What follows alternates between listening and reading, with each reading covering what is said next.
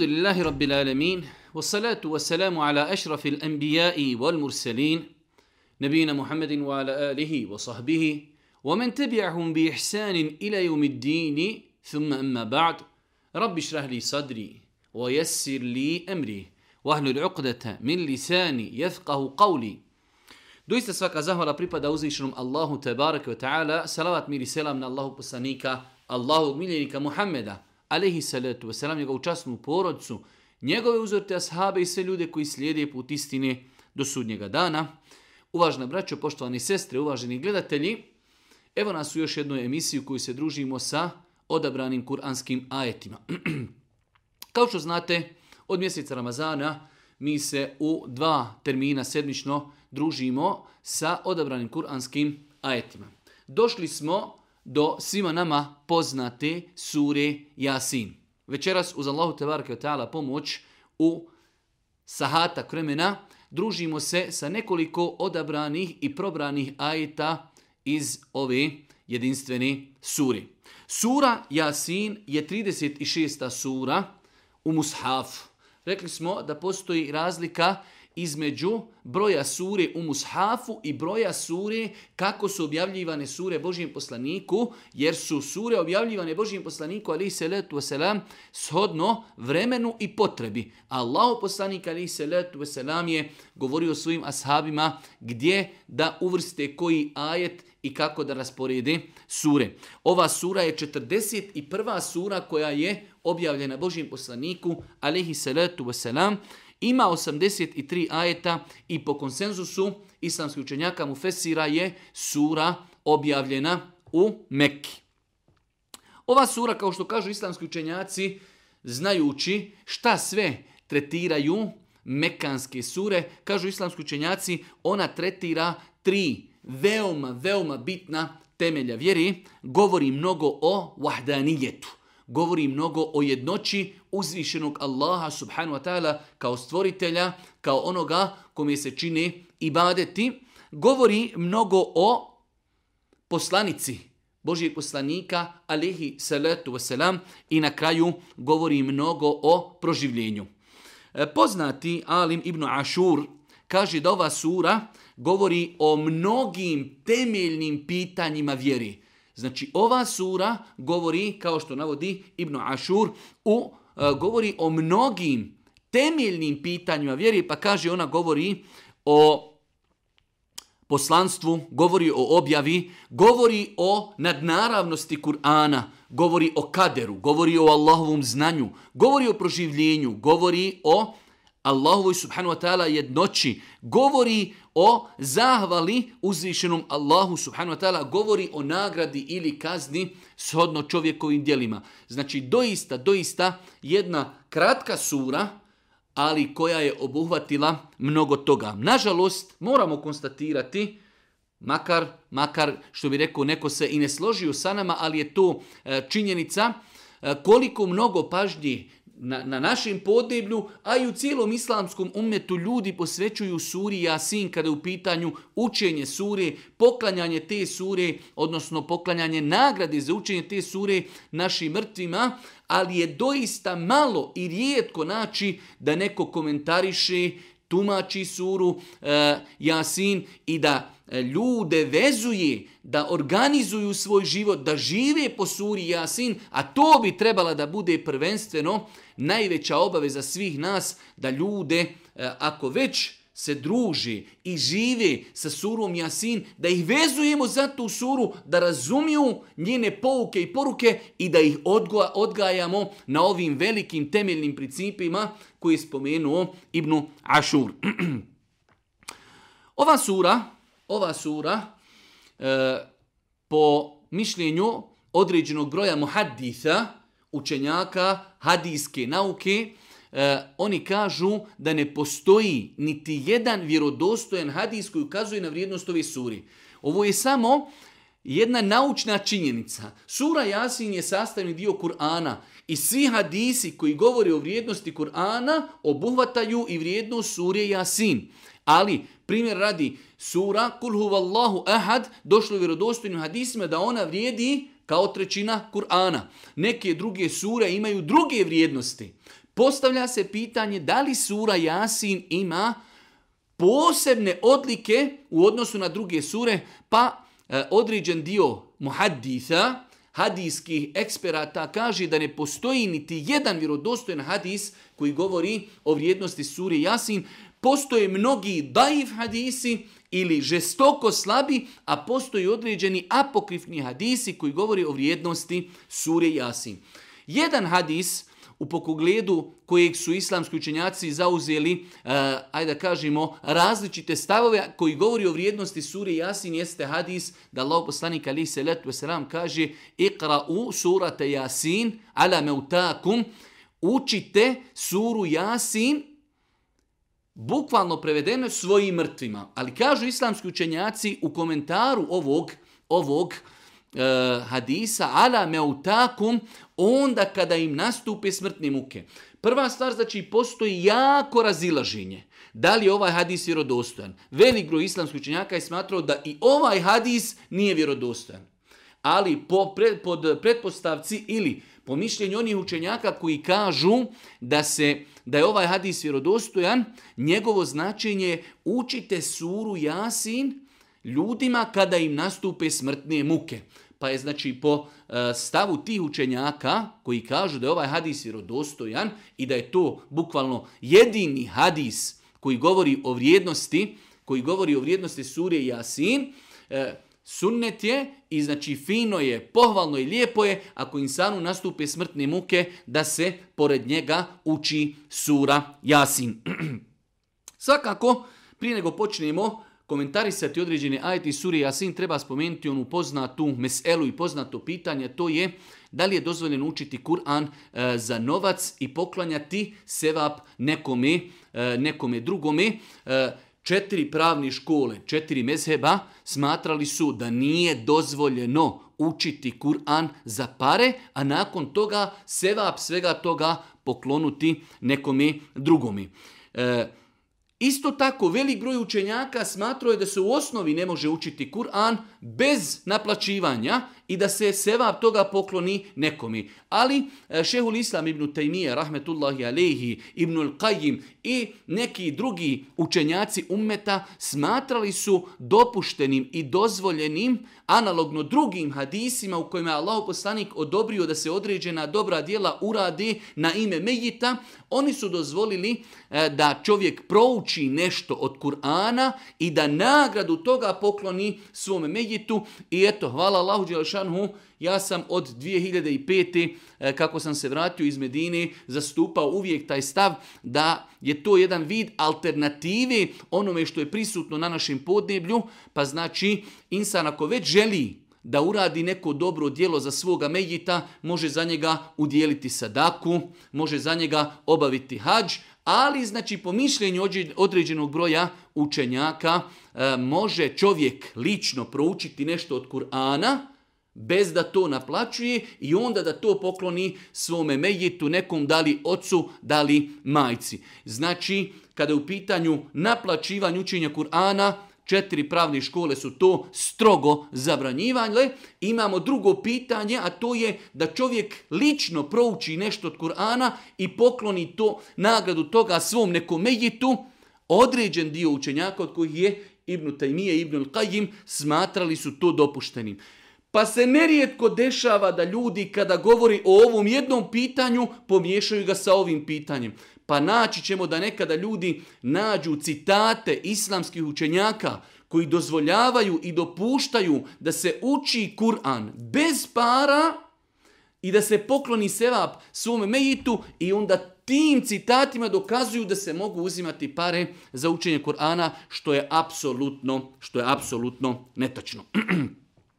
Uzišnji Allah subhanahu wa ta'ala započinje ovu suru sa dva poznata arapska harfa, ja, sin. Ja, sin, mi smo više puta do sada govorili o značenjima e, ovih harfova, znači imamo više kuranskih sura koji su započete sa nekim od arapskih slova, elif la mim, elif lam ra, kaf ha ja ain sad i tako dalje, ja sin sad i tako dalje. Imamo znači e, dosta sura koje su započele, započete na jedan od ovakvih načina. Rekli smo, Allah najbolje zna da je time uzvišeni Allah subhanu wa ta'ala želio da izazove i pokaže nadnaravnost Kur'ana i da kaže ljudima, o ljudi, Evo ovu suru koju ćete čitati, sastavljena je od harfova, od slova koja vi koristite u svakodnevnom govoru, a možete li vi od tih harfova sačiniti suru onakvu kakvu ćete pročitati u Kur'anu.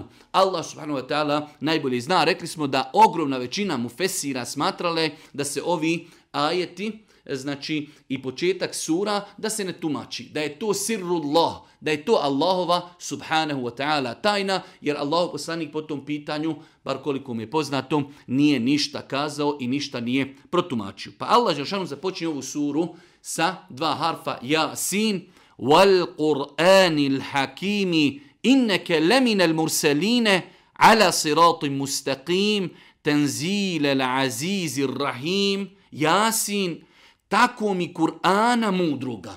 Allahu akbar. Uzvišeni Allah se zaklinje Kur'anom. Jasin wal Kur'an il hakim. Allah Đelšanu kaže tako mi Kur'ana mudruga. Ovdje imamo nekoliko pitanja. Prva stvar, uzvišeni Allah subhanahu wa ta'ala kao stvoritelj zemlje i nebesa ima pravo da se zakune čime hoće. Pa se uzvišeni Allah subhanahu wa ta'ala u Kur'anu zaklinje i nekim svojim stvorenjima. Što svakako ukazuje na veličinu tih stvorenja. Pa Allah Žešan kaže, wal asr, tako mi vremena. Wal duha, tako mi jutarnjeg vremena. I tako dalje. Pa se uzvišeni Allah u Kur'anu na više mjesta zaklinje nekim od svojih stvorenja.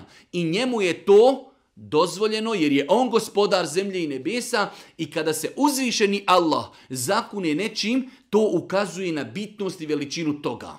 Nama, njegovim robovima, nije dozvoljeno da se zaklinjemo bilo čime osim Allahom ili nekim njegovim imenom i svojstvom. Jedno od njegovih svojstava je i govor njegov Kur'an. Pa je znači nama muslimanima dozvoljeno da se zakunujemo Allahom, ili nekim drugim njegovim imenom ili svojstvom, Allahu poslanik se je znao zaklinjati i govorio bi tako mi gospodara kjabi. A isto tako znači, pošto je Kur'an Allahov govor, učenjaci su dopustili da se čovjek zakune Kur'anom. Ostaje pitanje da li je dopušteno da se čovjek zakune mushafom. Šta je mushaf? Mushaf je knjiga u kojoj je napisan Kur'an. Pa kada bi se čovjek zaklinjao mushafom, želijeći time da se zaklinje Kur'anom, Allahovim govorom, to bi bilo inšala ispravno. Ali ako bi se čovjek zaklinjao mushafom kao knjigom u kojoj je napisan Allahov govor, onda je to zabranjeno. U svakom slučaju, čovjek bi trebao da izbjegava zakljetvu mushafom kako neko to možda od njega ne bi čuo ko ne zna propise pa možda da to i pogrešno shvati. Rezimiramo, vjernik se može zaklinjati Allahom, njegovim imenima i njegovim svojstvima. Uzvišeni Allah, kao gospodar zemlje i nebesa, ima pravo i može da se zakune čime hoće. Ali kada god se uzvišeni Allah zakune nekim od svojih stvorenja, to ukazuje na veličinu toga. Allah poslanik je izrekao više vjerodostojnih hadisa koji jasno zabranjuju da se čovjek zakune nečim drugim osim uzvišenim Allah Allahom subhanu wa ta'ala. Čak u nekim hadisima je spomenuto da je to Allah poslanik nazvao i širkom. Pa je, znači, e, nažalost mi živimo u vremenu kada ljudi imaju nekada uzrečice, pa se neko zaklinje majkom, neko ocem, neko se zaklinje džamijom, neko poslanikom i tako dalje, sve je to, sve je to strogo zabranjeno. Kaže uzvišeni Allah Yasin wal Qur'anil Hakim tako mi Kur'ana mudroga. Dok se uzvišeni Allah zaklinje Kur'anom, to ukazuje na veličinu Kur'ana. Koliko je Kur'an bitan u našim životima. Inneke leminel murselin. Allah se zaklinje tako mi Kur'ana, ti si o Muhammede poslanik. Ti si u istinu o Muhammede poslanik. Allah Đelešanu se zaklinje poslanik i kaže o Muhammede ti si poslanik. Mi muslimani vjerujemo da je Muhammed alaihi salatu wasalam Allahov najodabrani rob.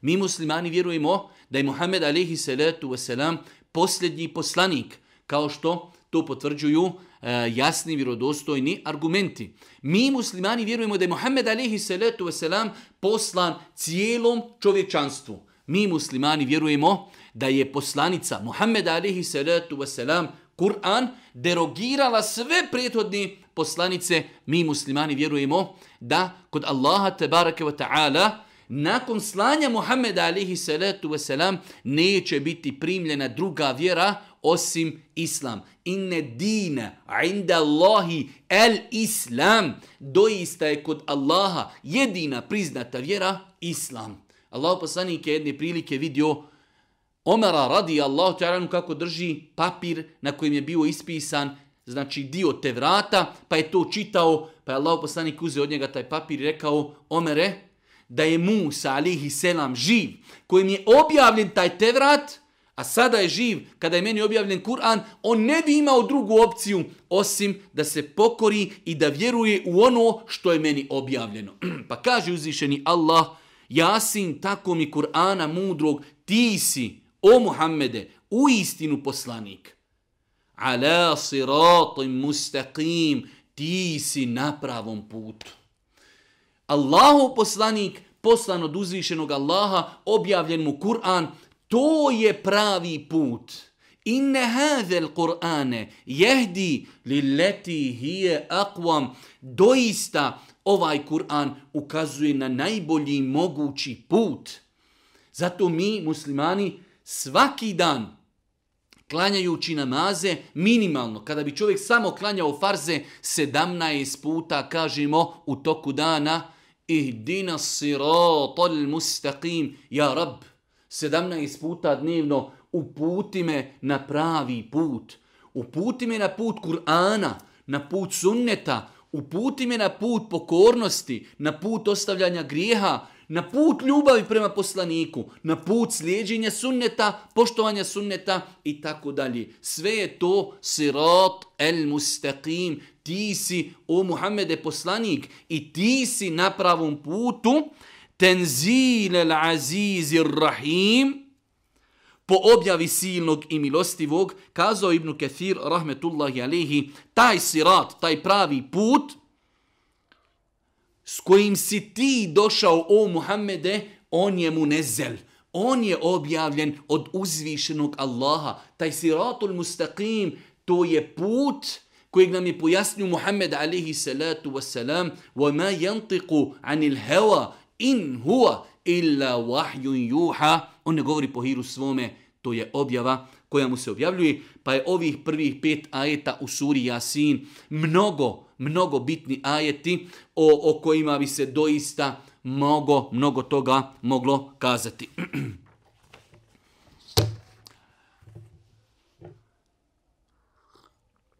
Deseti, jedanaesti i dvanaesti ajet sure Jasin, uzvišeni Allah govori o vjernicima i nevjernicima i kako na njih ostavlja traga Kur'an i upozorenje i opomena. Pa kaže uzvišeni Allah, وَسَوَاُنْ عَلَيْهِمْ أأنذرتهم أم لم تنذرهم لا يؤمنون إنما تنذر من اتبع الذكر وخشي الرحمن بالغيب فبشره بمغفرة وأجر كريم إنا نحن نحيي الموتى ونكتب ما قدموا وآثارهم وكل شيء أحصيناه في إمام مبين إنما njima je svejedno opominjao ti, ti njih ili ne opominjao. oni neće vjerovati. Imate ljudi u dalaletu, u zabludi, čije srce je prekriveno grijesima, zabludom, svejedno, govorio ti njemu ne govorio, dokazivao ne dokazivao, nemoguće je da istina nađe put ka njegovom srcu. Zašto? Jer Allah zna dalalet i crninu njegovog srca. Allah upućuje koga hoće, ali je Allahova pravda da će na pravi put uputiti onoga u čijem srcu vidi iskrenost da spozna istinu. Ali imate ljudi sve jednomu, pričaj šta hoćeš, dokazuj koliko hoćeš, ništa ne dolazi do njegovog srca. I njima je svejedno, opominjao ih ti ili ne opominjao. Oni neće vjerovati. Tvoja opomena će koristiti samo onome koji Kur'an slijedi. Opomena koristi čovjeku koji vjeruje, koji slijedi Kur'an i milostivog se boji, iako ga ne vidi. Bil gajb, onaj ko se Allaha boji kada ga niko drugi ne vidi osim uzvišeni Allah. Takav insan će se okoristiti ajetima. وذكر فإن ذكرى تنفع المؤمنين a ti opominji opomena će koristiti vjernicima pa kaže uzvišeni Allah subhanahu wa ta'ala koristit će samo onome koji Kur'an slijedi i milostivoga se boji iako ga ne vidi njega obraduj oprostom i nagradom lijepom takav će usvojiti ono što mu se govori jer se on boji Allaha kada ga niko ne vidi i to ukazuje na živost njegovog srca, njegovo srce je živo, čisto, jako, njegovi senzori imana reaguju. Kada nikog nema, on kaže, vidi me gospodar. Nakon toga kaže uzvišeni Allah u 11. ajetu, inna nahnu nuhjil meuta, wa nektubu ma kademu wa atharahum. Mi ćemo zaista mrtve oživjeti. I mi smo zapisali ono što su uradili i dijela koja su iza sebe ostavili. Sve smo mi to u knjizi jasno pobrojali. Allahu akbar. Allah Jošanu ovdje za sebe kaže inna nahnu, mi smo i mi ćemo oživjeti mrtvi. Nekada, odnosno često ljudi postavljaju pitanje kako to uzvišeni Allah je jedan. Kul huvallahu ehad. Allah je jedan. Kako u Kur'anu Allah za sebe kaže mi? Mi. To je arapski način, stil arapskog izražavanja. Dok kurejšije tog vremena koji su bili izuzetno veliki poznavaoci, vrsni poznavajući arapskog jezika, nikada poslaniku nisu rekli Allahu poslaniće, zašto Allah za sebe kaže mi, to znači da ima više gospodara. Oni su to svatali na arapski način. Kul huwallahu ehad, Allah je jedan ali u datom momentu uzvišeni Allah subhanahu wa ta'ala kada govori o sebi, govori u množini. Tako da vam to ne treba da bude, hajde da kažemo, pometnja i nejasnoća. To je znači stil, kao što kod nas, u našem jeziku imate, kada neko govori o sebi i govori, znači u jednu ruku sebe persira, imate e, vlasnika određene firme. On kaže i mi smo uradili to i to. On je naredio, on je to sve, ali on kaže mi smo i tako dalje. Pa je to poznato, eh, poznat način izražavanja čak i u drugim jezicima. Pa kaže uzvišeni Allah, mi ćemo zaista mrtve oživjeti. Allahu ekber.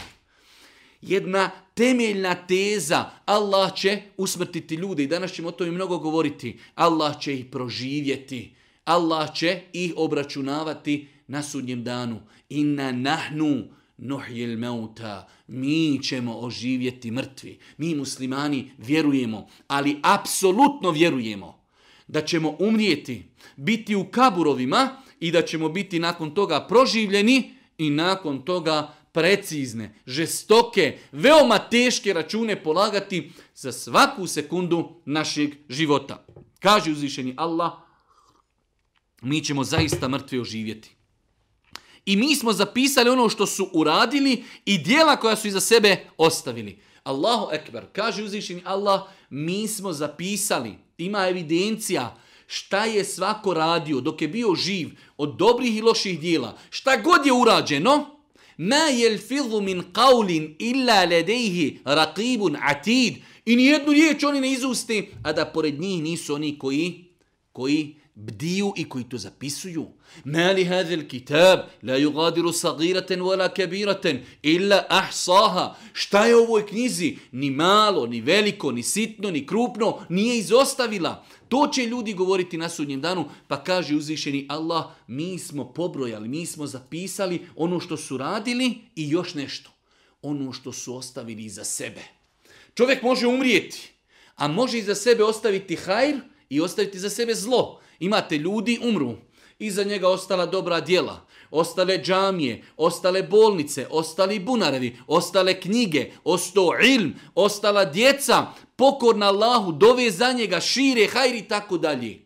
Pa to je kod Allaha upisano. Ali imate ljudi koji je izumio neke stvari koji su haram, koji se koriste nakon njegove smrti muzika, ovo ili ono, znači ljudi nakon njegove smrti koriste se njegovim grijesima. Sve se to i njemu upisuje jer je došlo u vjerovostom Madisu da ovo poslanik Ali se letu selam kaže ko ukaže nekom na dobro djelo. On će imati nagradu kao i onaj koji je uradio to dobro djelo, a da se ništa od njegovih dobrih djela neće umanjiti. I sve dok ljudi budu radili po tim dobrim djelima, čovjek će imati za to nagradu. A isto tako Allah poslani kaže, ako ljudima ukaže na zlo, imaće grijeh kao i oni, a ništa to neće umanjiti od njihovih grijeha i njihovih kazni. Pa se čovjek treba dobro paziti. Šta meleki zapisuju u njegova, u njegova dobra i loša dijela? Šta u njegov životni defter zapisuju? Šta je radio, šta je ostavio iza sebe? Kakve tragove? وآثارهم njegove tragove šta je on ostavio iza sebe. وكل شيء أحصيناه في إمام مبين djela koja su iza sebe ostavili, sve smo mi to, sve, i krupno i sitno, i javno i tajno, sve je to zapisano u knjizi jasnoj.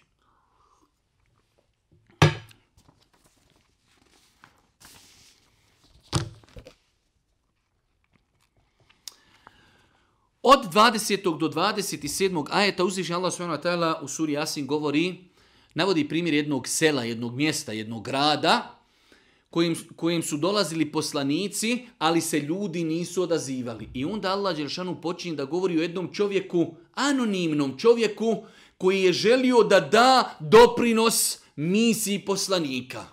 A taj njegov doprinos je velik, pa je ga zbog toga uzvišeni Allah ispomenuo. Poslušajte, kaže, وَجَاءَ مِنْ أَقْسَ الْمَدِينَةِ رَجُلٌ يَسْعَ قَالَ يَا قَوْمِ تَبِيُ الْمُرْسَلِينَ Iz kraja grada žurno je došao čovjek.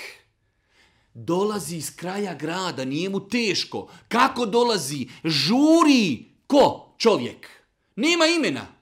Ne zna se ko je. Brate moj, dragi i cijena sestro, kada uradiš dobro dijelo, ne mora niko znati za tebe bitno je tvoje dobro dijelo. Kur'an ne govori ime uopšte, ali ga je spomenuo i ovaj ajet i ovi ajeti će se učiti sve do sudnjeg dana kao pouka i poruka.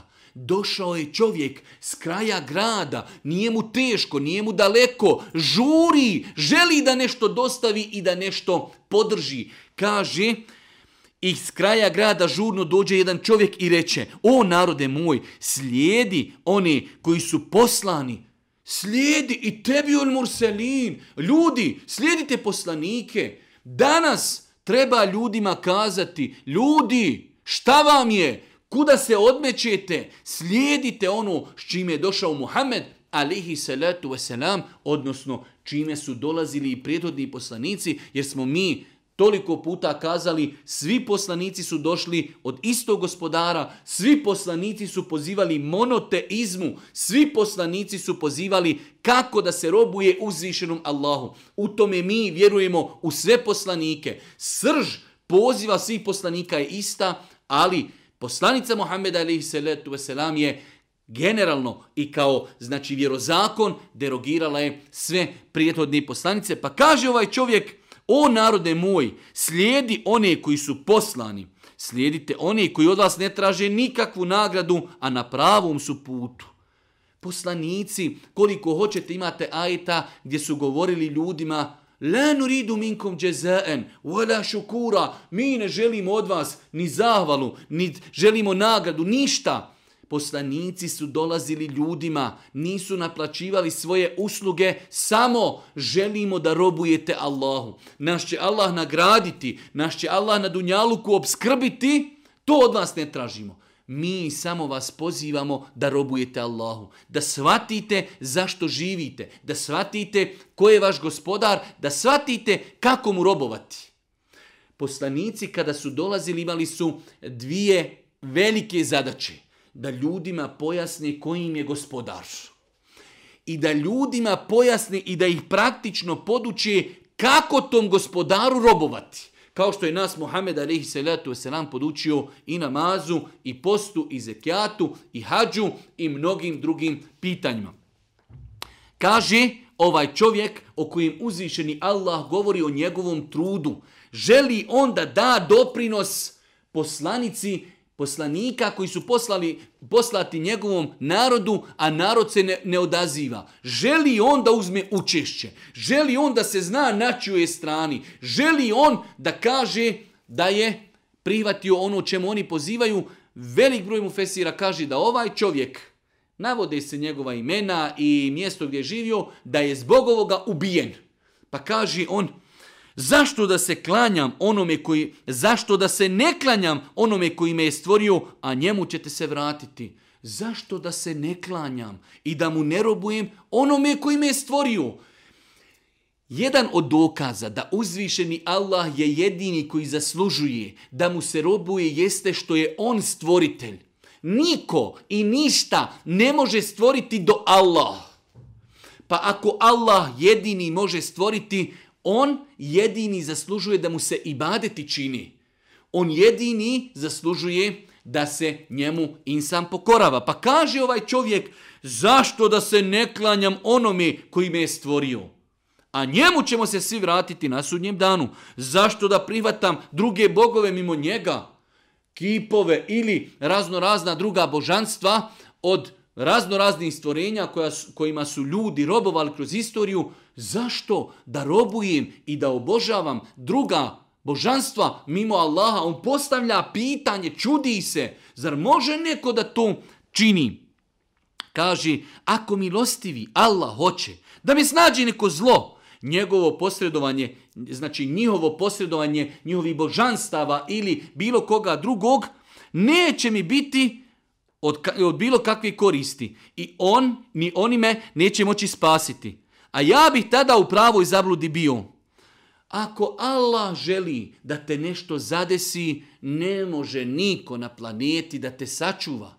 Ako Allah Želšanu želi da te od nečega sačuva, niko na planeti ne može da te zadesi i pogodi sa nekim zlom. Kao što je došlo u Jerodosu Hadisu da Allah poslanik Ali Selatu Veselam izrekao jedan veliki čuveni hadis da je kazao, znaj ono što te je pogodilo, nije te moglo mimoići, a ono što te je mimoišlo, nije te moglo zadesiti. Pa kaže ovaj čovjek, ako bi ja robovao nekom drugom mimo Allahu, kaže, ja bih tada bio u pravoj zabludi. Prava zabluda je da pored toliko dokaza jasnih, rekli smo u nama samima, u našem okruženju, kosmos, planete, zemlja, rijeke, planine, u svemu postoji dokaz da je uzvišeni Allah stvoritelj i da se samo njemu može robovati i ibadet činiti, ovaj čovjek kaže, ko bi ja robovao nekom drugom, mimo Allaha, ja bi bio u očitoj, ja bi bio u očitoj zabludi. Kaže on na kraju, ja vjerujem u gospodara vašeg, čujte me.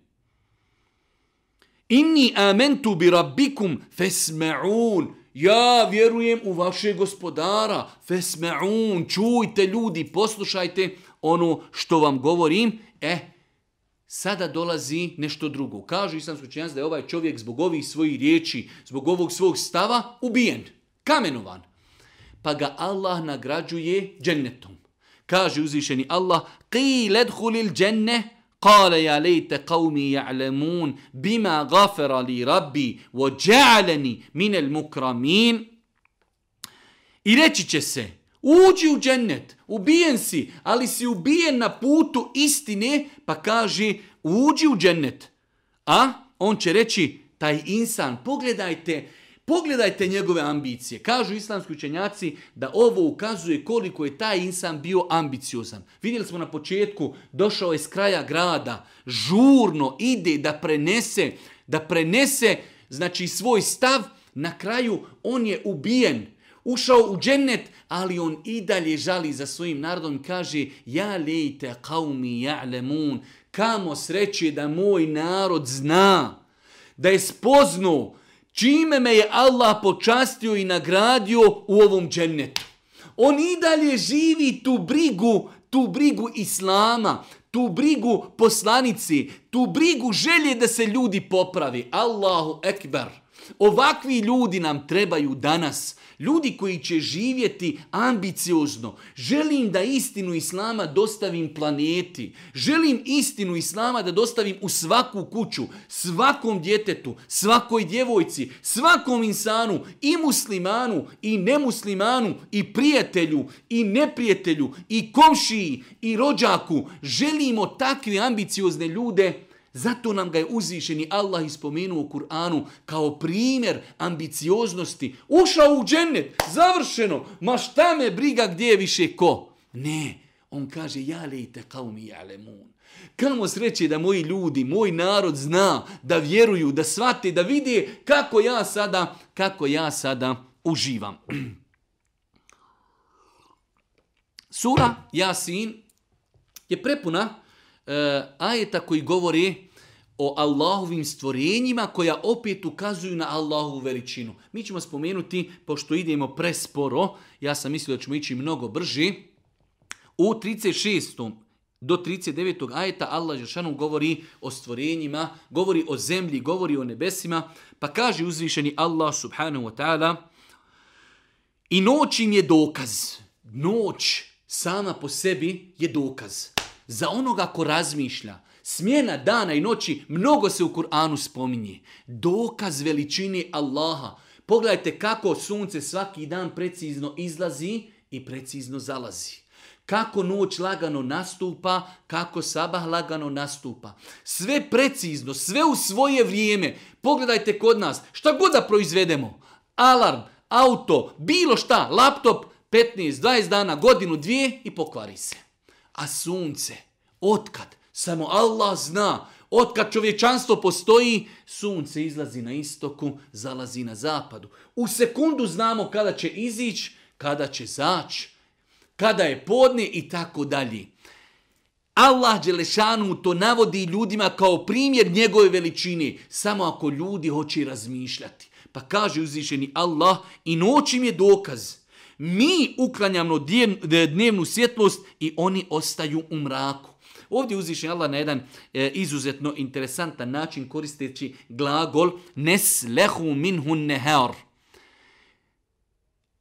Ovaj glagol seleha znači nešto oguliti.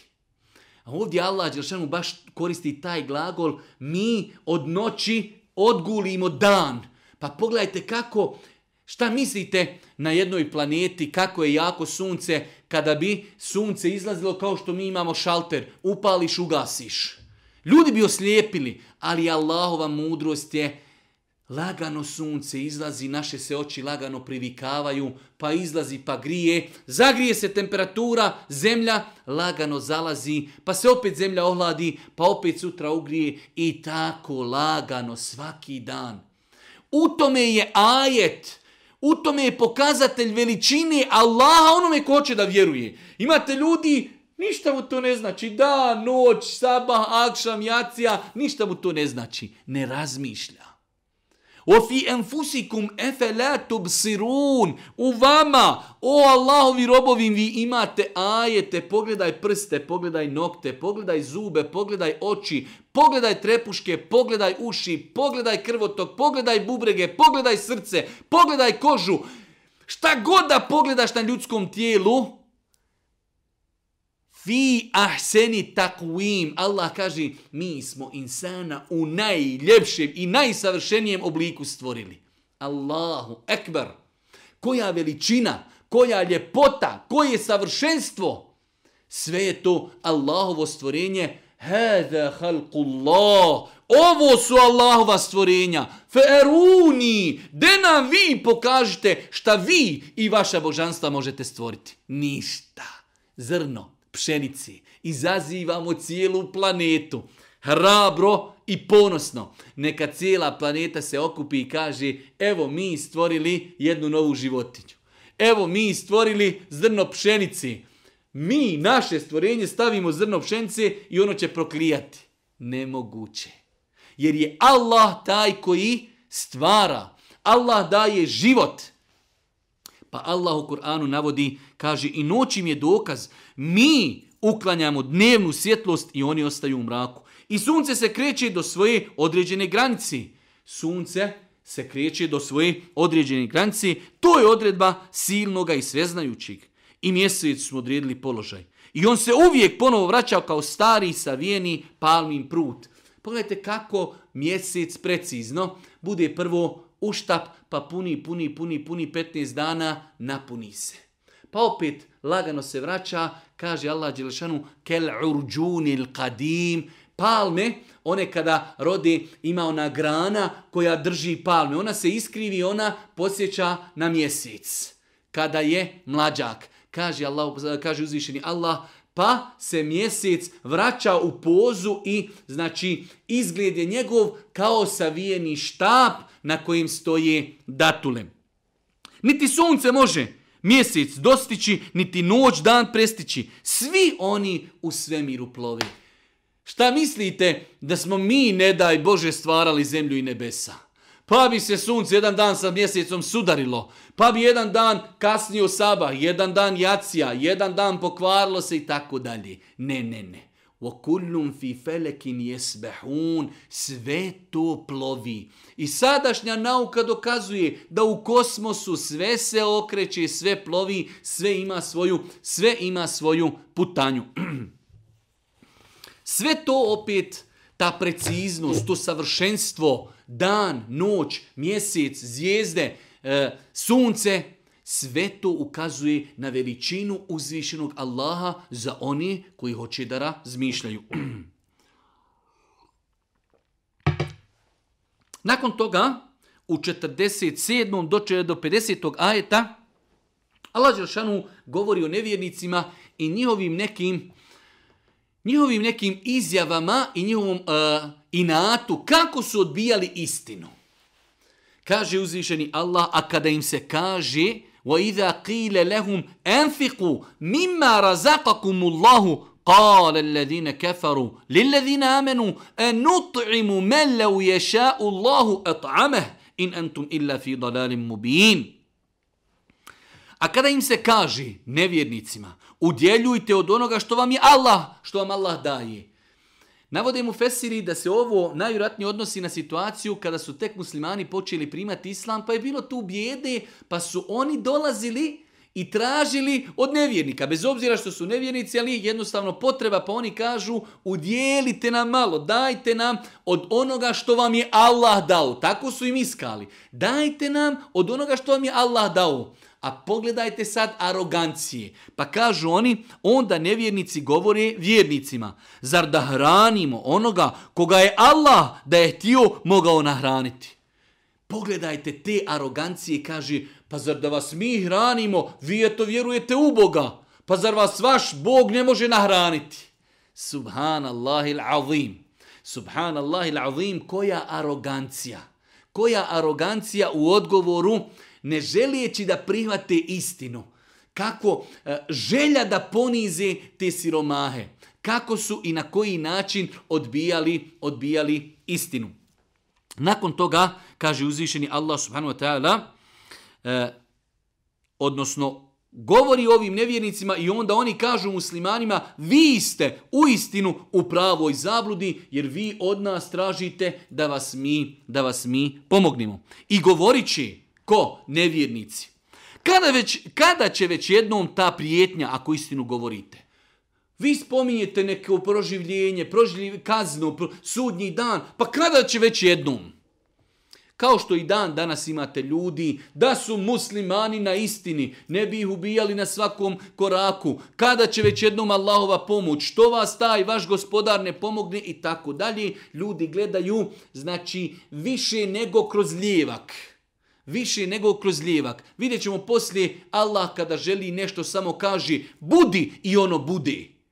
Mi smo na ispitu u našem životu, da se mi pridržavamo Allahovih smjernica, sigurno ne bi bili u položaju kojim se danas nalazimo. Ali smo mi to zaslužili svojim ponašanjem, svojim rukama, svojim idolentnim odnosom prema propisima uzvišnog Allaha, pa nas uzvišeni Allah prepustio neprijateljima.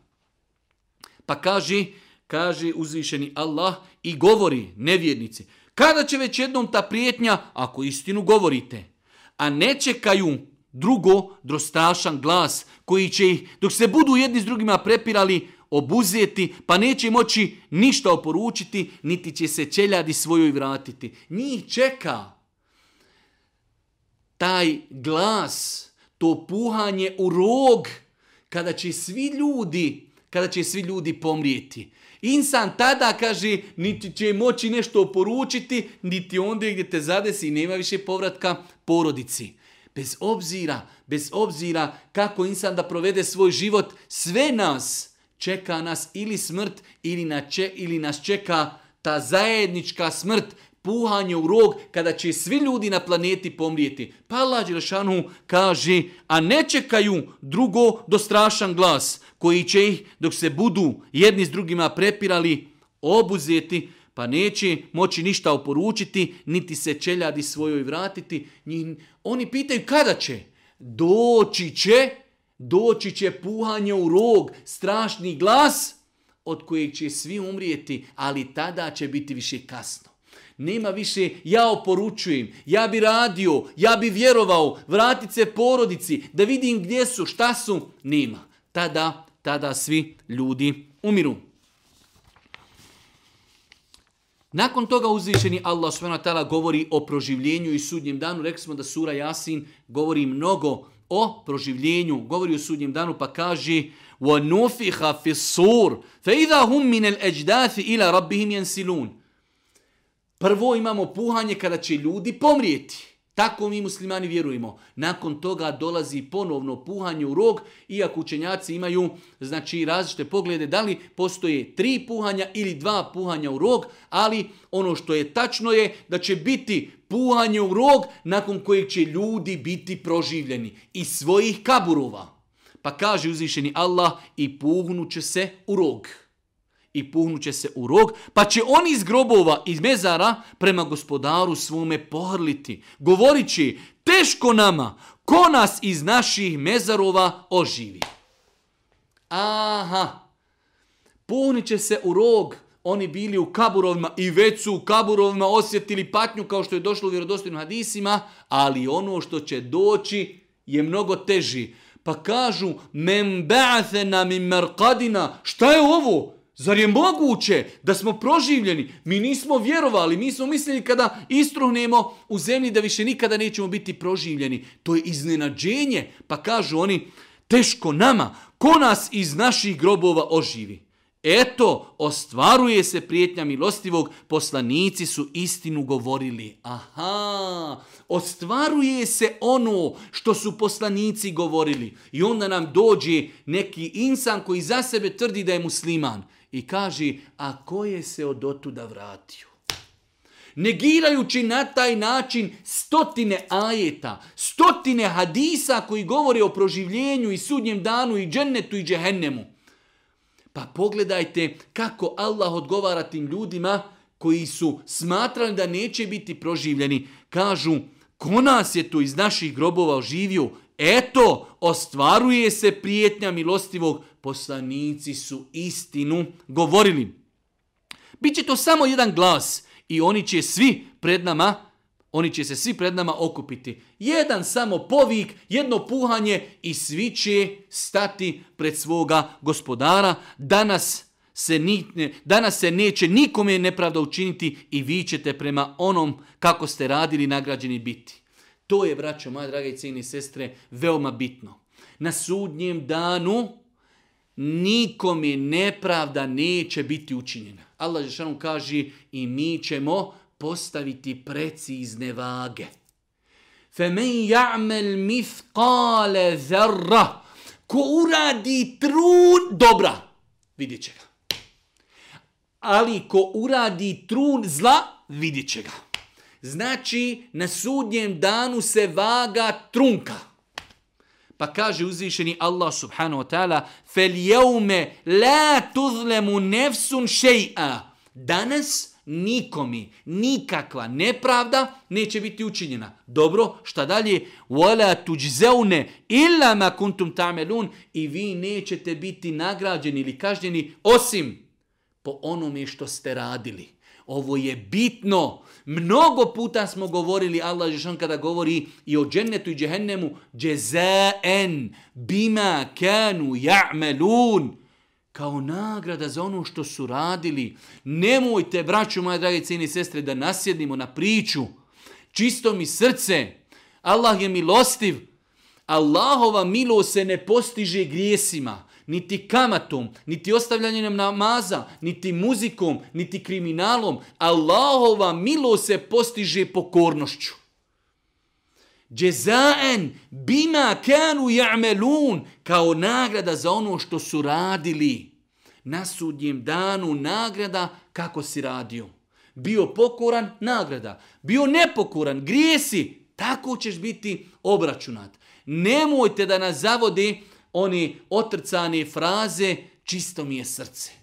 Nikad u džamiju čovjek ne ide. Nikad u životu stao nije pred Boga, kaže, meni je čisto srce. Ma znam ja, kaže, ko sve ide u džamiju. Ostavi se ko sve ide u džamiju.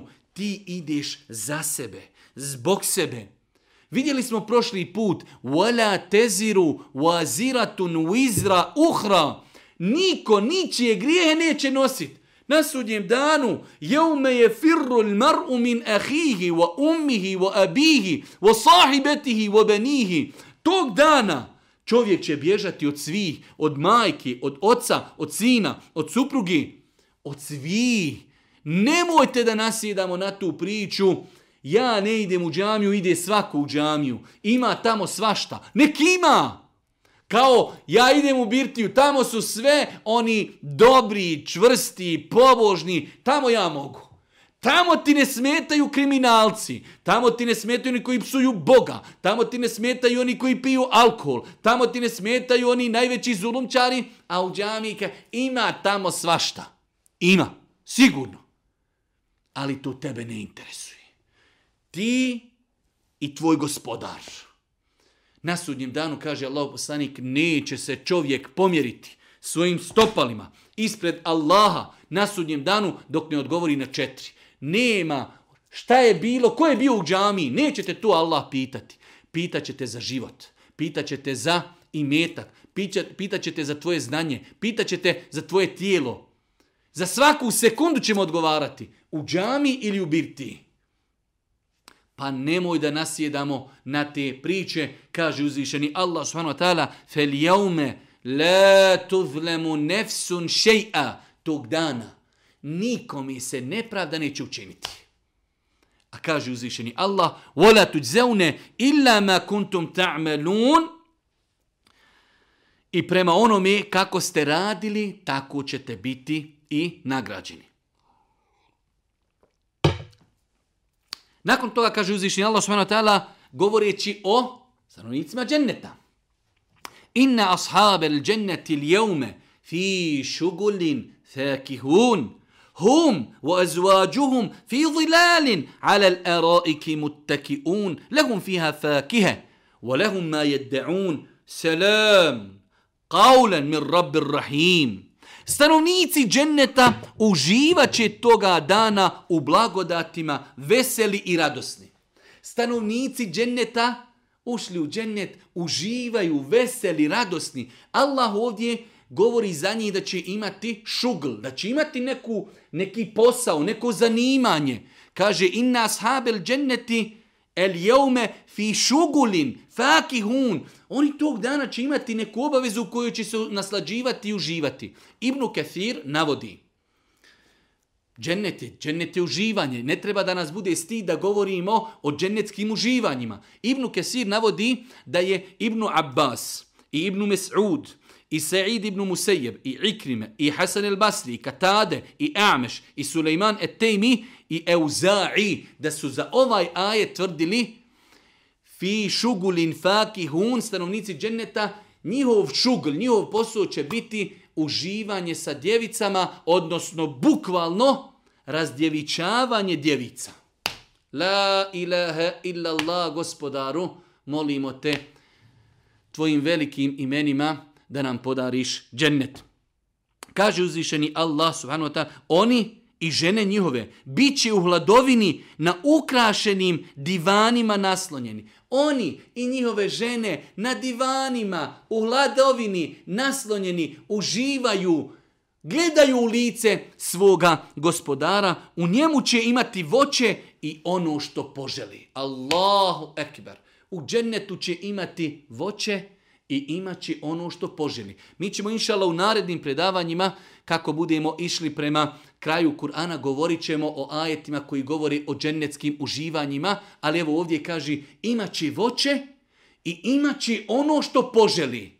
Nakon toga dolazi najveća blagodat, kaže mir vama, selamun, alejkum, alejkum, mir vama bit će riječi gospodara milostivog. Dolazi uzvišeni Allah i naziva selam stanovnicima dženneta, kao što je došlo čak u nekim hadisima koji su daif, nisu potvrđeni, ali ovdje uzvišeni Allah kaže selamun kaulen mir rabbir rahim, mir vama, selam, mir, selam alikum, riječi će gospodara biti. Allahu akbar, ja rab, Ja, rab, počasti nas da budemo od stanovnika dženneta koji će uživati da im njihov gospodar nazove selam i da gledaju u njegovo lice, a gledanje u njegovo lice je najveća blagodat pored koje će stanovnici dženneta zaboraviti na sve druge blagodati. Allahu akbar kaže uzvišeni Allah, stanovnici dženneta, uživaće toga dana u blagodatima, veseli i radosni. Rekli smo da velik broj mu fesira ummeta je smatrao ovaj šugul, fakihun, da je to uživanje sa djevicama. Oni i žene njihove bit će u hladovini, na ukrašenim divanima naslonjeni. U njima će imati voće i ono što budu željeli, u alehum, Ma je de'un. Šta god zatraži, šta god da zamisli, imat će u džennetu mir vama, selamun, qawlem min rabbir rahim, mir vama bit će riječi gospodara milostivog. S druge strane, uzvišenje Allah subhanahu wa ta'ala govori o stanovnicima,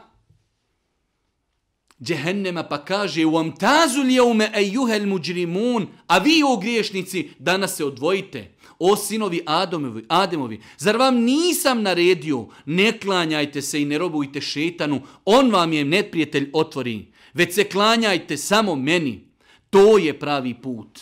On je mnogi od vas u zabludu odveo kako niste pameti imali. Ovo je džehennem kojim vam se prijeti, pržite se kada u njemu odvojite E, pržite se sada u njemu zato što niste vjerovali.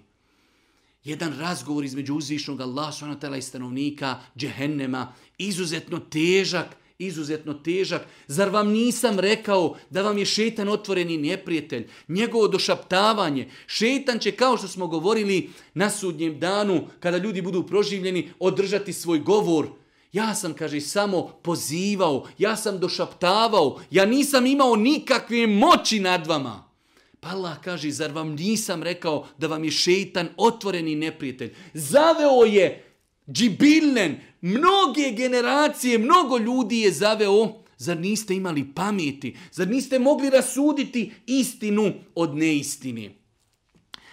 Poslušajte sada ovaj ajet iz sure Jasin. Kaže uzvišeni Allah u 65. ajetu El jome nahtimu ala efvahihim fetukellimuna ejdihim wa tešhedu arđuluhum bima kanu jeksibun Danas ćemo im usta zapečatiti. Allahova pravda je apsolutna. Doći će ljudi na sudnjem danu pa će početi negirati da su nešto uradili. A protiv nas svjedoči gospodar. gospodar svjedoče i meleci koji su sve zapisivali, svjedoči i zemlja po kojoj smo hodili, ali to nije dovoljno. Pa će, kaže Allah, toga dana ćemo im usta zapečati, ne mogu pričati.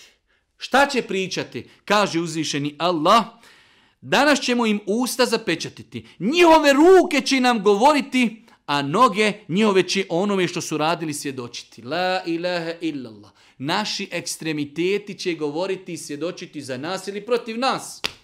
Naše ruke će govoriti gospodaru tog dana je uradio to i to. Naše noge će svjedočiti ja rab tog dana išao tu i tu. Mi u to vjerujemo znači apsolutno. Jer je to Allahov obećanje, njegov govor koji je apsolutna istina. Kao što uzvišeni Allah je dao nama da pomoću ovog jezika govorimo, tako će dati, kao što kaže na drugom mjestu u Kur'anu, kada budu upitali ljudi, pa zašto svjedočite protiv nas? Allah nam je dao, kaže, mogućnost da danas i mi govorimo. Pa će naši ekstremiteti svjedočiti za nas ili protiv nas.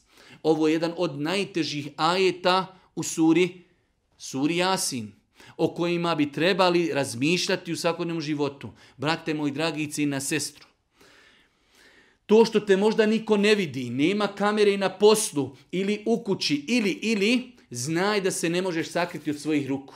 Ne možeš se sakriti od svojih nogu, ne možeš se sakriti od svojih u, o, očiju, od svojih ušiju. Sve će to svjedočiti, površto svjedoče i meleki, i zemlja, i gospodar, svjedoči će naši ekstremiteti za nas ili protiv nas na sudnjem danu.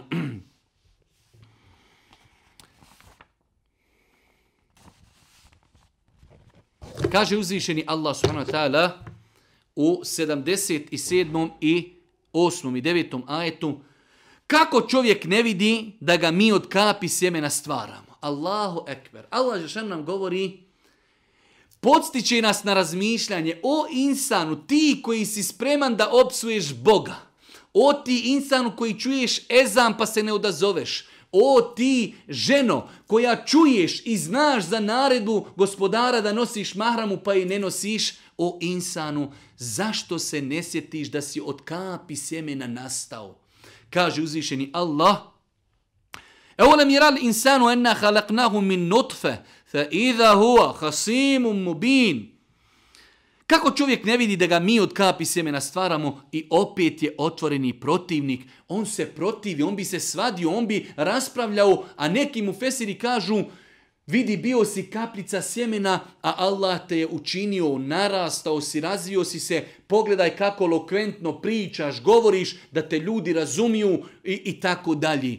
Bio si kaplica sjemena, pa je ta kaplica sjemena prenijela, prenijela je genetiku tvojih očeva i tvojih predaka i tvojih djedova i nana, sve kroz jednu kaplicu sjemena. Zašto ne razmisliš o tome, o insanu?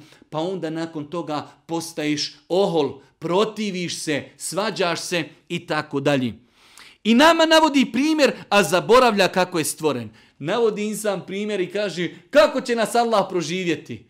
Ama sjeti se kako je Allah tebe stvorio. Pogledajte tog božanskog odgovora. Kaže, ljudi navode primjer, pitaju se kako ćemo biti proživljeni a zaboravili kako su oni stvoreni. Stvoren čovjek od kapljici sjemena. Adem alaih selam kao prvi čovjek stvoren od ilovači. Kada želi nešto, samo kaže budi i ono bude. Kaže uzvišeni Allah. Ko će oživjeti kosti kada budu truhle? Govori o nevjernicima, oni to govori. Kako će neko živjeti kost koja je istruhnula? Reci, oživit će ih onaj koji je prvi put stvorio, on dobro zna sve što je stvorio. Kao što vas je stvorio prvi put od kapljice sjemena. Isto tako će vas proživjeti iz kosti koje su istruhnule, iako kao što je došlo u vjerodostinu hadisima, čovjekov, znači tijelo može istruhnuti osim trtične kosti, znači takozvana rijepna kost, ona ostaje, iz nje će insan biti ponovo istruhnut proživljen. I na kraju, posljednja tri ajeta u suri Jasin, iako doista sam imao velik problem, da odaberim te ajete koje ćemo, evo, kratko malo komentarisati. Kaže uzvišeni Allah, evo leji se levi halaka samavati wal arda bi qadirin ala an jahluka mislehum bela, wa huwa al halakul alim. Innema emruhu iza rade šein en jakule lehu kun, fe jakun, فسبحان الذي بيده ملكوت كل شيء وإليه ترجعون kaže uzvišeni Allah na kraju ove suri. Zar onaj koji je stvorio nebesa i zemlju nije kadar stvoriti njima slične? Čudno da čovjek sumlja da li će biti proživljen Allah stvorio zemlju i nebesa, mi još nismo proživljeni istražili kosmos koliki je, koliko je galaksija, koliko je planeta, koliko je, koliko je, i onda se čovjek čudi kako će Allah proživjeti insana. Pa Allah Žešan odgovara i kaže, zar onaj, Allah, koji je stvorio nebesa i zemlju, nije kadar stvoriti njima slične? Jeste. On sve stvara i on je sve znači. Jeste, apsolutno jeste. O insanu, nemoj da se zavaravaš umrijeću i time prestaje moj život time samo nastaje novi život, zagrobni život, nakon toga proživljenje. Kada nešto hoće, on samo, ta, on samo zato rekne budi i ono bude. On kada želi nešto, uzvišeni Allah svemogući i sveznajući, samo kaže budi i ono apsolutno bude. Allahu je pokorno sve na zemlji na nebesima, i sunce, i mjesec, i zemlja, i planete i kosmos, sve je Allahu pokorno osim nas, ljudi i džina koji imamo slobodnu volju da budemo vjernici ili nevjernici, pokorni i nepokorni, pa kaže uzvišeni Allah nakon što je konstatirao u veliku, veliku tezu, veliku činjenicu, kada želi nešto, on samo kaže budi i ono bude, pa neka je hvaljen onaj u čioj je ruci vlast nad svime njemu ćete se vratiti. Neka je valjen uzvišeni Allah koji nam je poslao poslanika sa pravim putem, koji nam je objavio Kur'an, pojasnio nam istinu od neistine, neka je valjen uzvišeni Allah, neka je valjen uzvišeni Allah subhanu wa ta'ala i njemu ćemo se svi vratiti. Allah, Đerašanu, molim da ono što smo čuli bude korisno za nas. Allah subhanahu wa ta'ala molim da nam bude milostiv na sudnjem danu. Molim uzvišnog Allah subhanahu wa ta'ala da Kur'an učini proljećem naših srca i na kraju subhaneke. Allahumma da bihamdike. Ešhedu en la ilaha illa ente stagfiruke. Wa etubu ilaik. Oh, ah. oh, oh, oh, oh, oh.